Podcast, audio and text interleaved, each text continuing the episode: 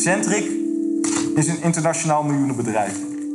En dat brengt een extra verantwoordelijkheid en zorgvuldigheid mee. Want hoe komt het dat het bestuur van Centric tot de gedachte komt dat het een goed idee is om het volledige omzetverlies over twee jaar op te eisen bij een natuurlijk persoon, zonder daarvoor ook maar één bewijsstuk in het geding te kunnen brengen? Ken in Nederland eigenlijk maar één persoon die dit een goed idee zou vinden. Die is vandaag hier niet in de rechtszaal. Je hoort Paul Cham vanuit de rechtbank in Almelo. Hij is de advocaat van Brigitte van Echten, de ex-geliefde van Gerard Sandring.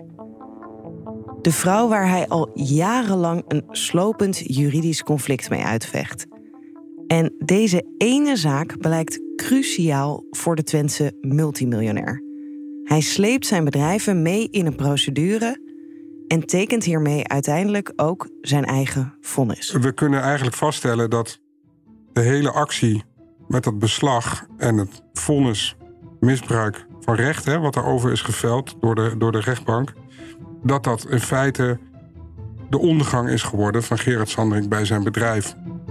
In deze aflevering van Achtergesloten Deuren hoor je hoe dit plan is bedacht. Waarom miljoenenbedrijf Centric meeging in deze juridische truc en wat het doel ervan precies was. Ik ben Pauline Zwuster en dit is aflevering 7. De laatste slag. Met name de gang van zaken rondom de beslaglegging door Centric en DSS onder Sandring ten laste van, echt, van Van Echten roept vragen op.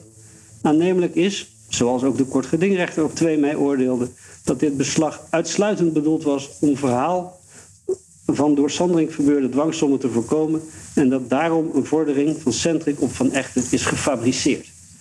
Het bestuur van Centric heeft daaraan meegewerkt, althans heeft zich daar onvoldoende weerstand aangeboden. Dit is de voorzitter van de ondernemingskamer. Het is 3 november 2022. Gerard Sandring raakt op deze dag de macht kwijt over zijn IT-bedrijf Centric. Tijdens de zitting ging het steeds maar weer over die ene zaak.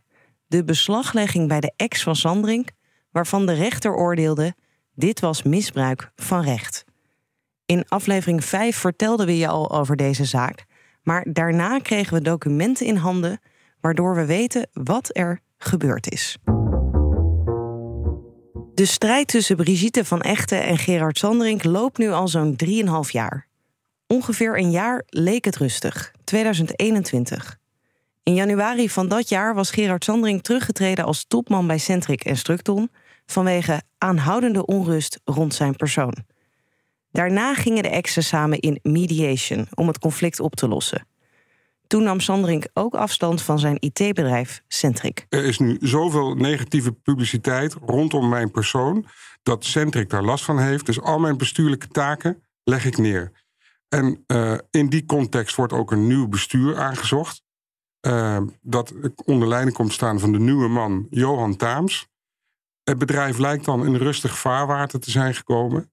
Totdat in december 2021, het einde van het jaar, Van Echter dus met die dagvaarding komt tegen het bedrijf Centric, tegen een aantal bestuurders of oud-bestuurders van Centric en natuurlijk tegen Rian van Rijbroek. Dit is Joris Polman, onderzoeksjournalist van het FD.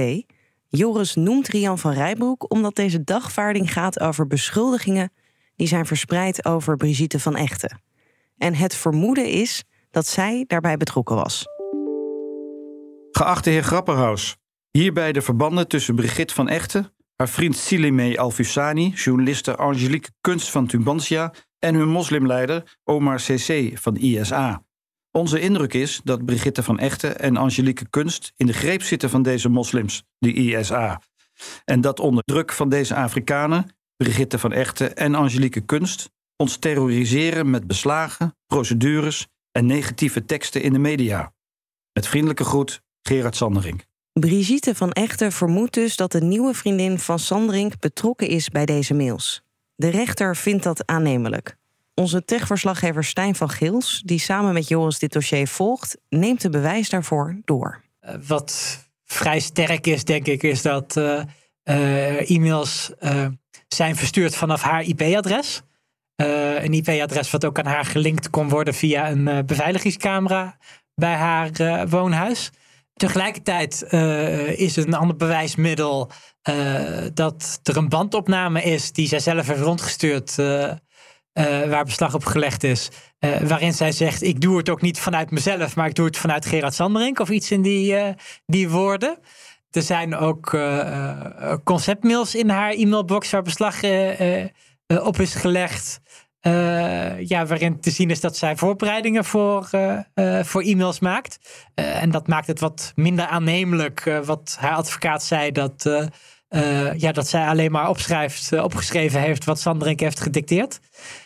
en dan is het ook nog zo dat, dat een deel van de mails verstuurd is. op het moment dat Gerard Sanderink zelf bijvoorbeeld, bijvoorbeeld in Saudi-Arabië was. Daarnaast zijn er ook opnames gevonden van Rian van Rijbroek aan de telefoon met een vriend. Soms denk ik wel eens van, godsamme, hoe heeft... Ik heb... Wie had verwacht toen ik met Gerard Sandring ging wandelen... dat dit achter Gerard Sandring hangt? Nee. Nee, maar dit is ook, dit is ook wel... Eh, sorry dat ik het zeg, maar dat, dat wij zeggen, dat moeten echt opsluiten. Ja. Ja. Echt. Ja. Ja, dat wordt echt tijd dat ze daar wij voor opsluiten. Deze informatie komt dus uit die dagvaarding van de ex van Sandrink. Die is gericht aan Rian van Rijbroek, maar ook aan Centric zelf en oud-bestuurders van Centric. Deze bestuurders stonden namelijk in de CC toen die e-mails langskwamen en ze grepen niet in. Of in sommige gevallen moedigden ze het gedrag zelfs aan. December 2021 valt de dagvaarding op de mat. Dat zet alles weer opnieuw op scherp. En dan zie je ook ineens dat de relatieve rust die er was, hè, de ongestoordheid waarmee dat nieuwe bestuur al een aantal maanden bezig was bij Centric. Ineens staat uh, Sanderink weer op de stoep en uh, uh, is dat conflict weer onderdeel van, van, van het bedrijf. Centric verkondigt dan al jarenlang dat deze kwestie tussen Sanderink en Van Echten privé is. En die strategie willen ze graag vasthouden. Ja, Centric uh, wilde dit graag zo klein mogelijk houden. En uh, ja, daar het liefst ook zelfstandig uh, een, een, een, rol in spelen. En, en het, het vooral blijven framen als een, een privéconflict. Waar Centric eigenlijk niet echt mee te maken heeft. En vond Sandring dat ook een goed idee? Nee, absoluut niet. Die vond het helemaal geen goed idee. Die vond juist dat, uh, ja, dat er een gezamenlijke verdediging moest, moest komen met een gezamenlijke advocaat. Het bestuur van Centric was er wat huiverig voor om samen op te trekken met Sandring in deze procedure. Eigenlijk wilden ze een eigen advocaat, maar uiteindelijk kwamen ze uit op één gezamenlijke advocaat: Gino van Tilborg. Wat niemand lijkt te weten is hoe ze bij hem terecht zijn gekomen.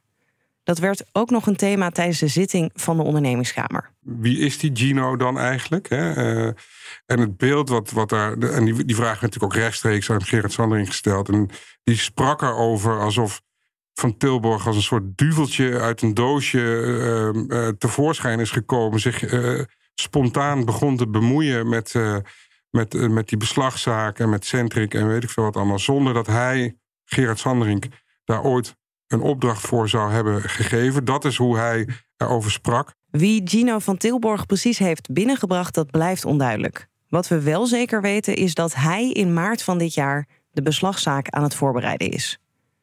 Op 28 maart heeft het managementteam van Centric een heidag in Den Dolder. Dan belt opeens Eike Schoots, niet uitvoerend bestuurder van Centric en een vertrouweling van Sandrink. Hij ontvouwt het plan aan het bestuur. Wat we gaan doen is Eén, we weten dat Van Echten op zwart zaad zit. Dat was in ieder geval zoals het is gepresenteerd. In werkelijkheid zat overigens anders. De rechter heeft gezegd dat er een aantal uh, dwangsommen betaald moet worden. Laten we nou uh, beslag leggen. Laten we nou zorgen dat het geld niet bij haar komt. Um, en dan komt zij financieel dermate onder druk te staan. dat ze niet anders kan dan terug met Sanderink in gesprek te gaan. Terug naar de onderhandelingstafel. En dan staat ze dermate onder druk dat, ze, dat we eh, zeg maar, een goede hefboom hebben om tot een oplossing te komen. Dan kan er gestreept door dat conflict, kunnen we allemaal verder. De dag erna worden Johan Taams en Patrick Rosengarten, de CEO en CFO van Centric, wakker in Den Dolder voor de tweede heidag. Onverwacht komt Eike Schoots langs. Ochtends vroeg zitten ze, om negen uur begint eigenlijk de eerste sessie weer. En dan kort daarvoor komt Eike Schoots met een, eh, met een document. Ze zitten in de lobby een kop koffie te drinken na het ontbijt. Hij legt het document neer en hij gezegd van jullie moeten even tekenen. En er staan wat mededelingen in over uh, dat beslag hè, van 1,96 miljoen. Uh, ze moeten, ze moeten eigenlijk bevestigen dat Centric dus een vordering heeft op, op Van Echten. en ze moeten dus daarmee ook, ze geven daarmee formeel ook opdracht om aan Gino van Tilburg om, die, om dat beslag door te zetten. En, en nou ja, uit, de, uit die verslagen die uh, bekend zijn vanuit de procedure bij de ondernemingskamer, dat blijkt gewoon dat, dat die twee heren, Taams en Rosengarten, die, die hebben eigenlijk zoiets van, wat is dit en zo, die hebben daar geen goed gevoel bij. En die, nou ja, die, die, die, voelen, die hebben het idee van, die voelen nattigheid, weet je wel. Want, wat, er is ook maar één exemplaar. Er is geen, digitaal is er niks beschikbaar. dus, dus als ze tekenen, dan neemt die schoot dat ook meteen weer mee. En, en ja, als ze het nog bij wijze van spreken willen nalezen, dan kan dat dus niet eens meer. Ze kunnen ook niet meer. Ze hebben niet de tijd eigenlijk om zelf nog een juridisch advies in te winnen. Dus ze worden er een beetje. Het wordt een beetje erin gerommeld, hè, als het ware. Zo, zo, zo ervaren zij dat. Um, maar ze tekenen toch? Ja, maar ze hadden ook kunnen denken: nou, ik vind dit een beetje verdacht. We gaan nog niet tekenen en eerst winnen we wat juridisch advies in. Ja, dan blijkt dus, dan blijkt dus dat wederom uit die, uit die, uit die, die gespreksverslagen die we hebben ingezien, dan blijkt dus dat angst een factor is in dit verhaal. Angst voor Gerard Sandering. Dus enerzijds is er het praktische, pragmatische verhaal. Ja, we, we kunnen zo van echte aan de onderhandelingstafel krijgen. En dan kunnen we misschien naar een oplossing komen. Dat is één. Of ze dat nou heel erg geloofwaardig vonden of niet, dat laat, laat ze een beetje het midden. Maar je ziet ook met name bij Taams, die, die letterlijk zegt: Ja, ik, ben er bang voor dat zo'n Sanderink, als ik niet teken, ontstoken en woede uh, naar ons uh, conferentieoord komt stormen, zoals hij het heeft geformuleerd.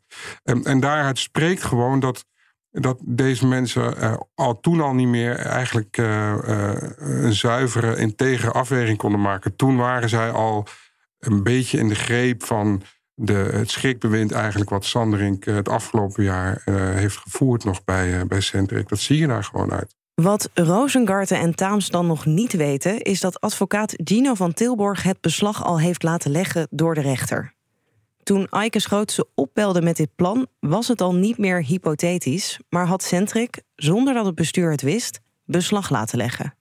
En met het tekenen van dit document stemde de CEO en CFO hier met terugwerkende kracht mee in. Brigitte van Echten liet het er niet bij zitten en spande een kort geding aan om het beslag van tafel te krijgen. En terwijl dit allemaal speelt, wordt Stijn benaderd door Patrick Rozengarten en Johan Taams, omdat ze een interview willen geven. En toen, toen heb ik gevraagd van ja, eh, hoe.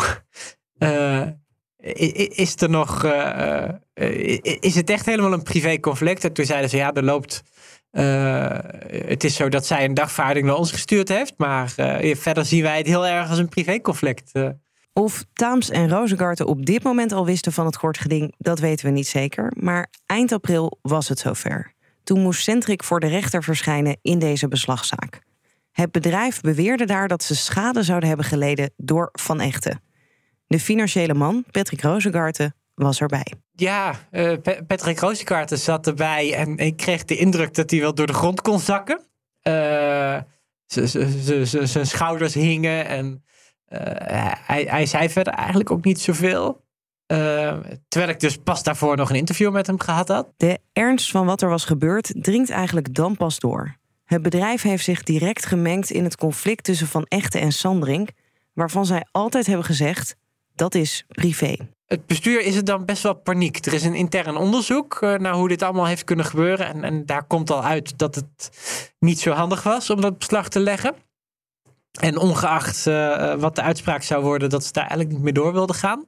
Um, er komt ook iets nieuws naar boven, waar ook niet aan gedacht is. En dat is dat er ook een, een jaarverslag is, waarin staat dat ehm, het omzetverlies onder andere door corona komt. En, en het, het, het, moeilijk bestel, ja, dat het moeilijk is om aan hardware te komen. Ehm, en die redenen die komen dus helemaal niet overeen met Van Echten. Sterker nog, er wordt helemaal niks over Van Echten gezegd in dat jaarverslag. Um, en dat maakt dat je kunt twijfelen of dat de jaarrekening wel klopt. Tenminste, uh, op het moment dat het inderdaad zo is dat het allemaal door Van Echten komt dat er omzetverlies geleden is. De rechter besluit in het voordeel van Van Echten. Op 2 mei wordt het beslag opgeheven en op 16 mei komt de motivering van de uitspraak: misbruik van recht. Die ochtend, als de motivering nog niet binnen is, gaat Johan Taams samen met niet-uitvoerend bestuurder Louis Luiten naar Gerard Sandrink. Ze willen met hem bespreken dat Centric toch echt af wil stappen van Gino van Tilborg. Ze hebben geen vertrouwen meer in hem en ze willen een eigen advocaat. Die twee heren zijn dus naar, naar gereden, die kantoor houdt bij Structon. Daar is een zeer onaangenaam gesprek ontstaan. Wat, uh, als we de, de, de verslagen moeten geloven die we hebben ingezien, binnen vijf minuten is geëscaleerd. Um, en dan zien we eigenlijk dat, dat, dat, er, dat er direct een soort vertrouwenscrisis ontstaat. En het is ook de eerste keer dat, dat Taams het nodig vindt om te beginnen over.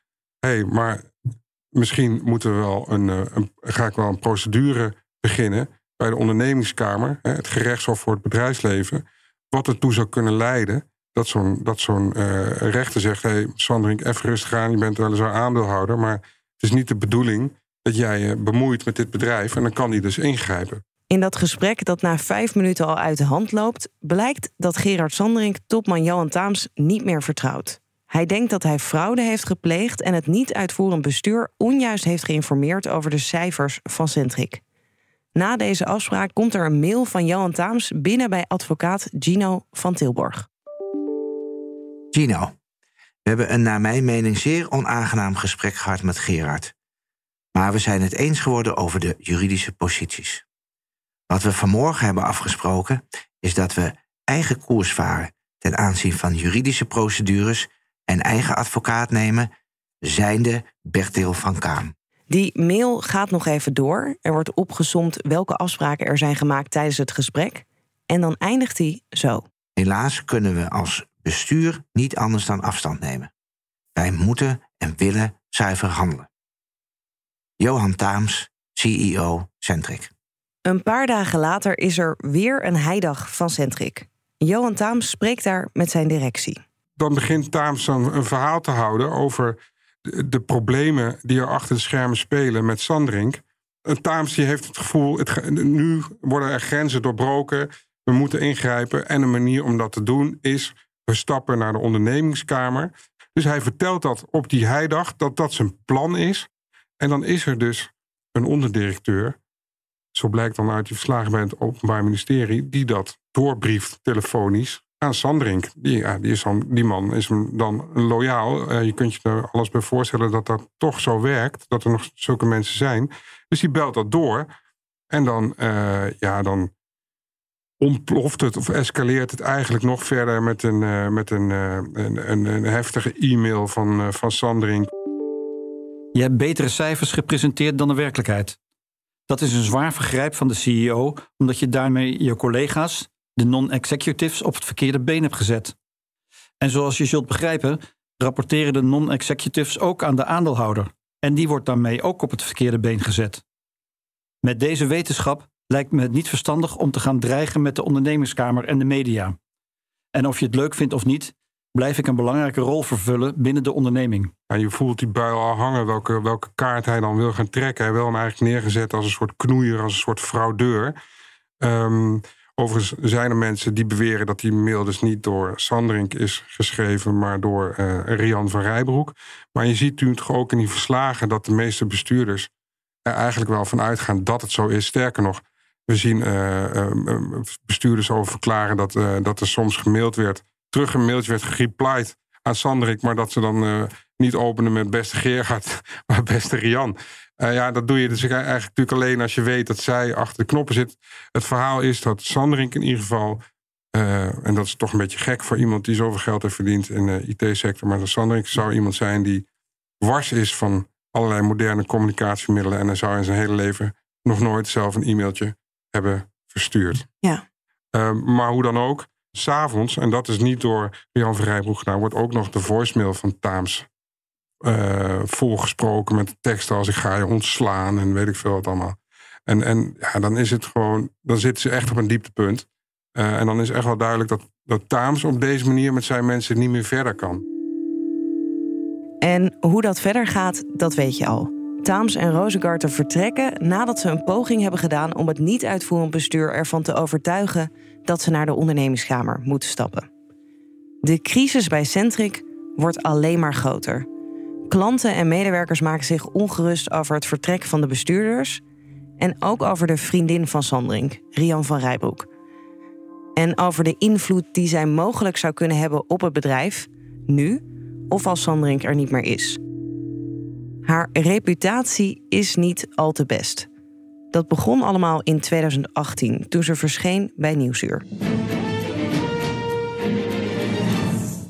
Rian van Rijbroek is bij ons. Zij is eh, expert cyberveiligheid en schrijver van het boek eh, De wereld van cybersecurity en cybercrime. Hartelijk welkom. Dankjewel. Um, u heeft jarenlang uh, hacks uitgevoerd in opdracht van uh, geheime diensten en overheden. Um... Nou, ik ben Bart Mos. Ik uh, zit in de onderzoeksgroep van het Financieel Dagblad. Maar ik ga het nu hebben over de periode dat ik bij de Telegraaf werkte. Ik weet nog wel dat ik appte met mijn collega's Nieuwsuur kijken nu. Dus u zegt uiteindelijk is, het, is dit een, een voorbode voor wel degelijk geld uh, fysiek geld uit de geldautomaten te krijgen. Ja, want als ze de beveiligingssystemen, uh, dus als ze de bank onder controle krijgen, kunnen ze dus uh, bijvoorbeeld geldautomaten gebruiken. Dus ze hebben rechtstreeks de toegang tot contant geld. En er brak toen ja, een soort, soort van pleuris los direct na die uitzending onder ICT-experts die zeiden zij zit daar echt totale onzin uit te kramen. En ze had toen samen met Willem Vermeent een boek geschreven over cybersecurity. En toen dachten Joris en ik, kom laten we eens langsgaan bij de auteurs van het boek.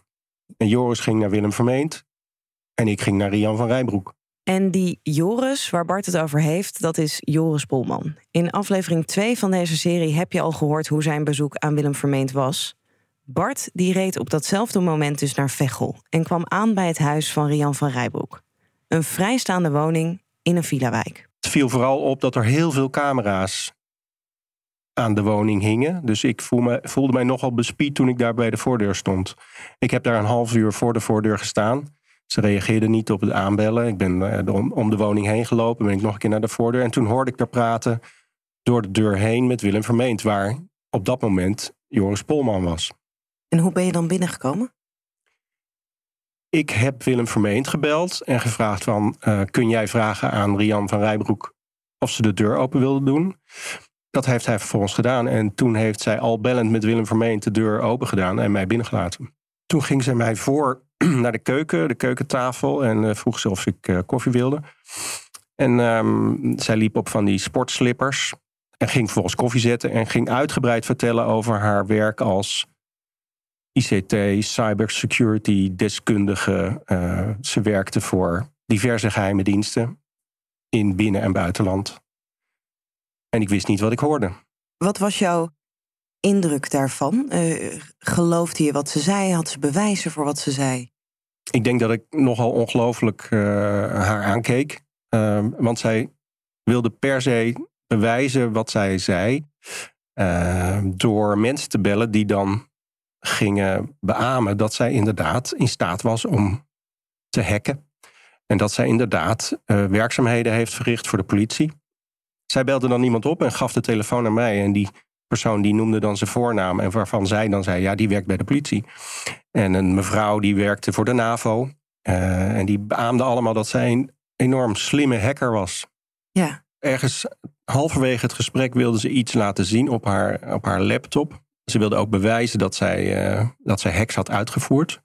En die laptop ging ze halen. Dus zij ging naar boven, maar bleef vervolgens tien minuten weg dat was wat ongemakkelijk. Want ik had buiten gezien dat er overal camera's hingen. Dus ik ging er ook vanuit dat er binnen ook camera's zouden hangen. Dus ik bleef keurig netjes op mijn stoel aan die keukentafel zitten.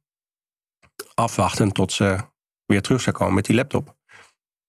Maar ze kwam wel terug, maar zonder laptop. Want die kon ze dan niet vinden. En heb je dan, ja, iets van bewijs daar gekregen of iets wat je concreet kon checken of het klopte? Nee, behalve die telefoontjes dan van oh, en getuigenverklaring van mensen die beweerden dat ze inderdaad een, een meesterhacker was, eh, heb ik uh, geen enkel bewijs gekregen. En dan gaan we naar november 2022. Want de beslagzaak die krijgt een staartje. Advocaat Paul Cham dient namens Brigitte van Echten een tuchtklacht in tegen advocaat Gino van Tilborg. Wij verwijten hem drie dingen.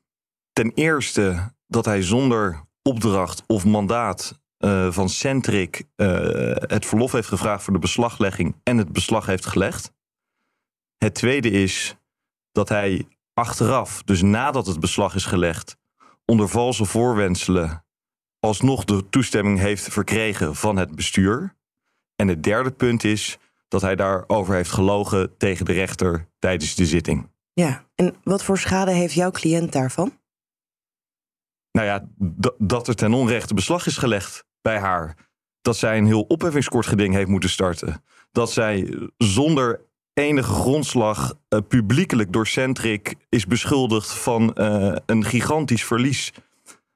Dat zijn hele ernstige, hele ernstige zaken. En het heeft daar ook nog eens heel veel geld gekost. Ja, en je zegt al, het is zonder opdracht gebeurd van Centric. Wat denken jullie dan dat er is gebeurd met die beslaglegging? Wie heeft uiteindelijk het besluit genomen om dat door te zetten?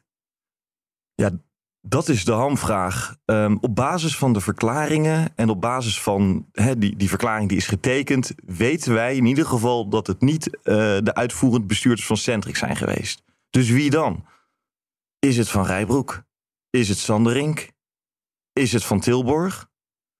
Uiteindelijk is het wel van Tilborg geweest die die stukken heeft opgesteld en bij de rechter heeft ingediend. Maar van wie hij die opdracht heeft gekregen, is de grote vraag. Ja, en dat hopen jullie in, nou, mede door deze tuchtklacht dan ook daarachter te komen? Ja, de tuchtklacht in combinatie met een verzoek aan de deken om daar onderzoek naar te doen.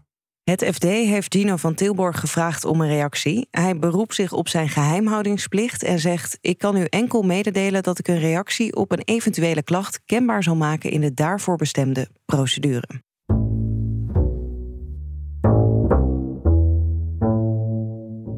Zoals ik eerder al vertelde, is deze beslagzaak een van de redenen dat Gerard Sandring de macht kwijt is geraakt bij zijn IT-bedrijf Centric.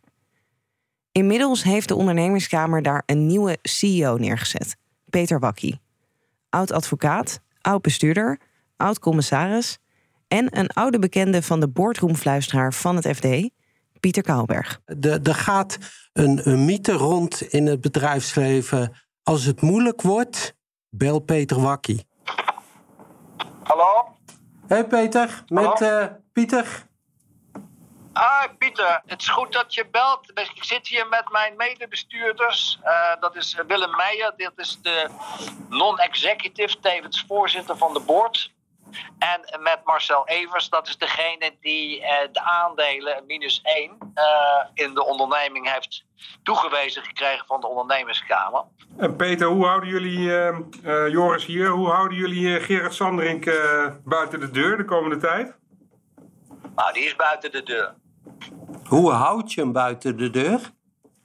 Nou, dat is, dat is gewoon heel eenvoudig. Ik bedoel, uh, Willem is de niet-uitvoerende bestuurder en voorzitter. Ik ben uitvoerende bestuurder. En op de aandelen kan uitsluitend gestemd worden door Marcel, die door de ondernemerskamer is benoemd. Ja. Dus niemand anders kan op de stemmen. En als het dus gaat om invloed, is het alleen maar invloed als aandeelhouder. Nou ja, die aandeelhoudersinvloed is nu bij Marcel Evers. Dus ja. Centric meldt dat met de komst van dit nieuwe bestuur de rust is wedergekeerd. Voor zover bekend hebben ze sinds zijn schorsing niets meer van Gerard Sandring vernomen. En Gerard Sandring mag dan de macht wel tijdelijk kwijt zijn. Er zijn nog opties.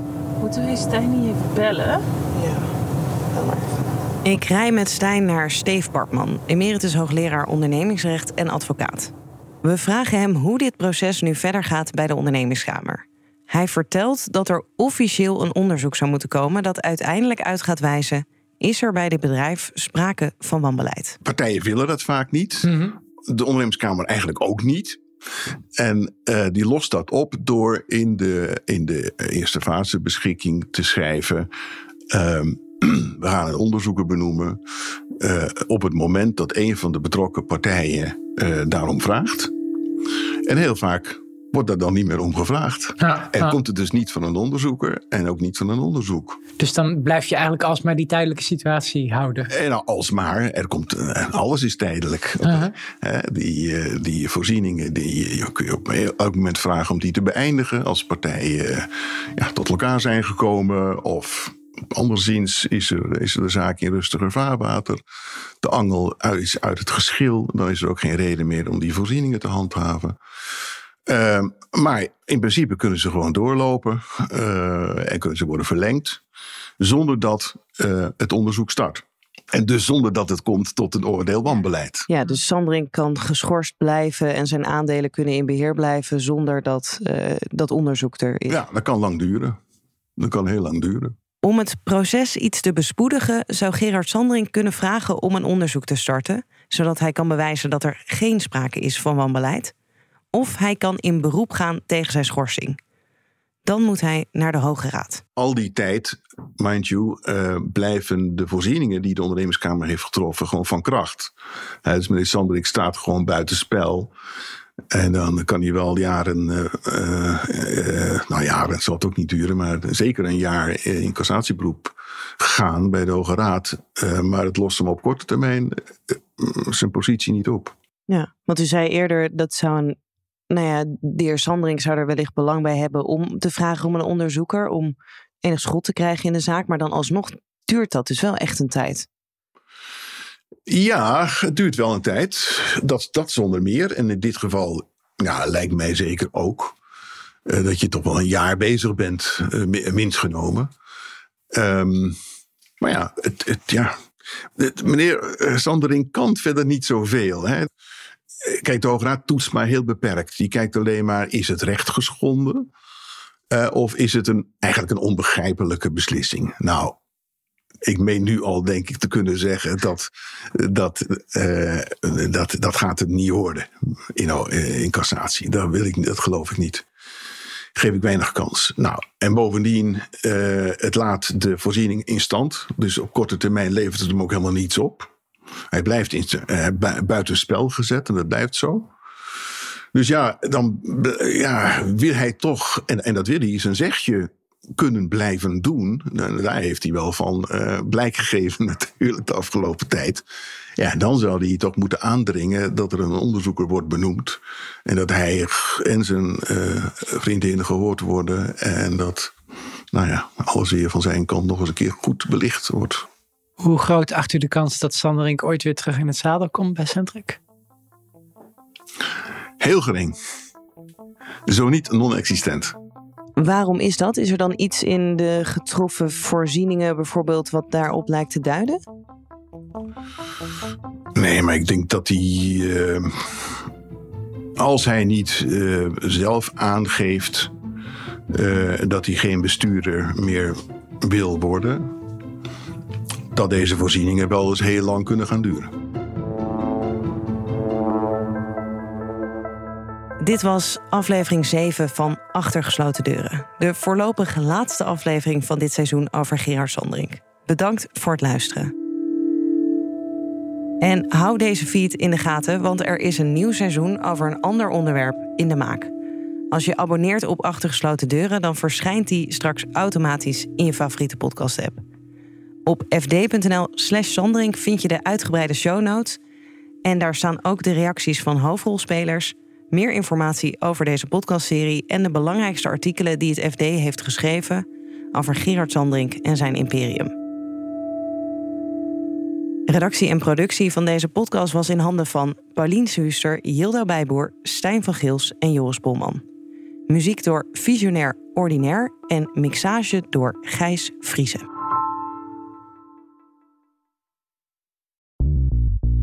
Bij BNR ben je altijd als eerste op de hoogte van het laatste nieuws. Luister dagelijks live via internet. Jelle Maasbach. Wesley Weert. We zijn er voor je met het leukste, opvallendste, maar natuurlijk ook het belangrijkste nieuws. Tijdens de presentatie van die halfjaarcijfers toen die beurskoers in elkaar kukkelde. BNR Beurs. Voor de slimme belegger. Blijf scherp en mis niets.